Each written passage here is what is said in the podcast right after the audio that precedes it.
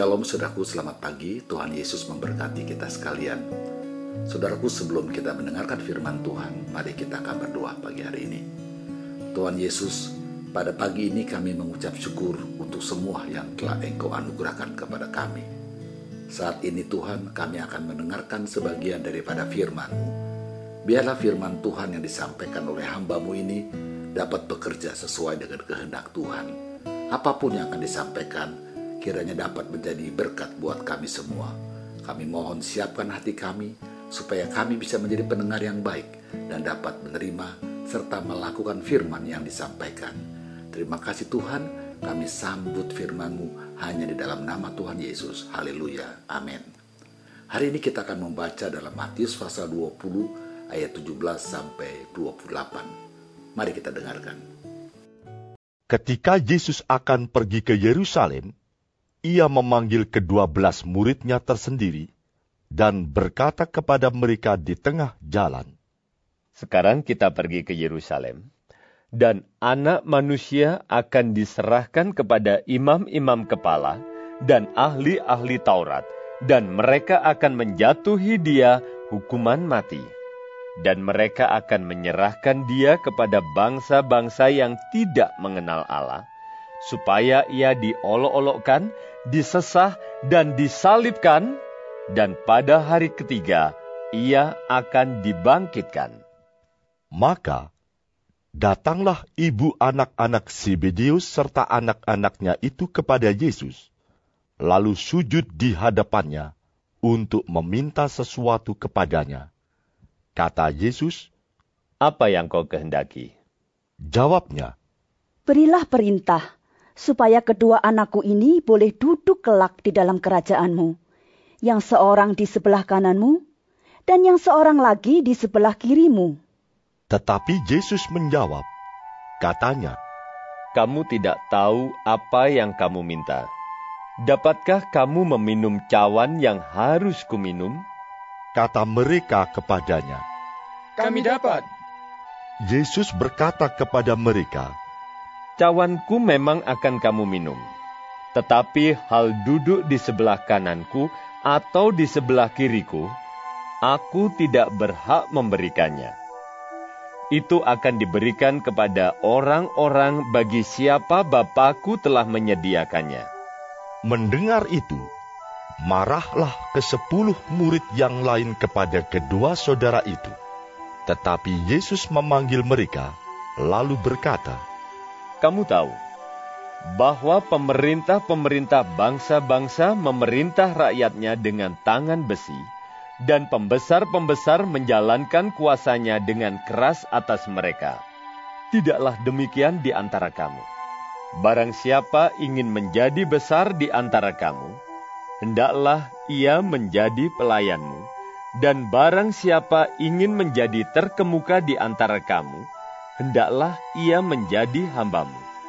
Sama seperti anak manusia datang bukan untuk dilayani, melainkan untuk melayani dan untuk memberikan nyawanya menjadi tebusan bagi banyak orang. Tema renungan hari ini adalah berkorban atau mengorbankan orang lain.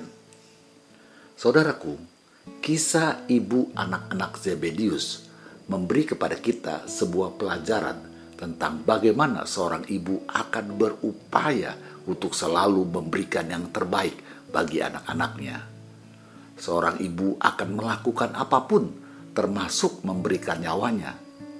Ia dapat saja berkorban, atau sebaliknya pada sisi negatif, seorang ibu bahkan bisa sampai mengorbankan orang lain demi anaknya. Sebagai contoh bisanya ada ibu-ibu yang rela mencuri, bahkan membunuh demi anak-anaknya. Mencuri atau membunuh bukankah tindakan yang merugikan atau mengorbankan orang lain? Saudara, hari ini saya ingin kita kembali memeriksa ulang apakah seluruh perilaku yang kita lakukan adalah perbuatan baik ataukah justru memaksa orang lain menerima akibat perbuatan kita berkorban atau mengorbankan orang lain Yesus mengawali pengajarannya dengan menyodorkan konsep Mesias yang berbeda dari pandangan orang Israel pada umumnya. Yesus menyatakan bahwa Mesias harus menderita. Tentu saja pernyataan ini berbeda dari gambaran umum tentang Mesias yang mulia, Mesias yang hebat, dihormati, ditinggikan, bahkan akan menjadi raja di dunia ini. Itulah yang terlihat dari ibu anak-anak Zebedius yang meminta agar Yesus memberikan tempat bagi anak-anaknya di kanan dan di kiri Yesus ketika Yesus menjadi raja kelak. Saudara, Yesus mengubah dan meruntuhkan pemahaman para pengikutnya. Mesias itu datang untuk melayani, bukan untuk dilayani.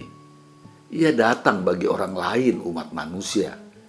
Ia mengorbankan dirinya, memberikan hidupnya.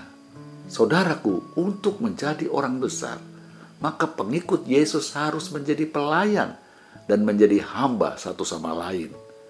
Menjadi hamba berarti siap untuk selalu berkorban bagi kepentingan dan kebaikan orang banyak. Mengorbankan orang lain demi diri sendiri memang sangat mudah dilakukan. Sebaliknya, memberi diri bagi orang lain itu amat sulit. Namun, itulah panggilan setiap orang yang mengaku dirinya sebagai murid Kristus yaitu mengikuti teladan yang sudah dilakukan oleh Yesus bagi orang banyak, yaitu memberi dirinya, mengorbankan hidupnya agar orang-orang yang percaya kepadanya menerima hidup. Marilah kita periksa diri kita masing-masing. Apakah kita sudah menjadi orang-orang yang bersedia untuk memberi diri bagi kebaikan sesama, ataukah kita justru mengambil hidup orang lain demi diri sendiri. Haleluya. Mari kita berdoa. Bapa kami yang ada di surga, pada pagi hari ini kami telah mendengarkan sebagian daripada firman-Mu. Biarlah firman ini dapat tertanam di setiap hati kami dan firman ini dapat menjadi pertolongan dalam kami menjalankan kehidupan kami. Berkati terus kami Tuhan, supaya kami tetap selalu rindu untuk mendengarkan firman-Mu. Khususnya hari ini, biarlah kami rela Tuhan memberikan hidup kami untuk hormat dan kemuliaan-Mu, berkorban dan bukan mengorbankan orang lain. Pagi ini Tuhan, kami percaya yang lemah telah dikuatkan, yang sakit telah disembuhkan, dan yang kekurangan telah ditambahkan. Berkati juga aktivitas kami pada hari ini dalam pertolongan dan penyertaan Roh Kudus. Terima kasih Tuhan, di dalam nama Tuhan Yesus kami telah berdoa dan mengucap syukur.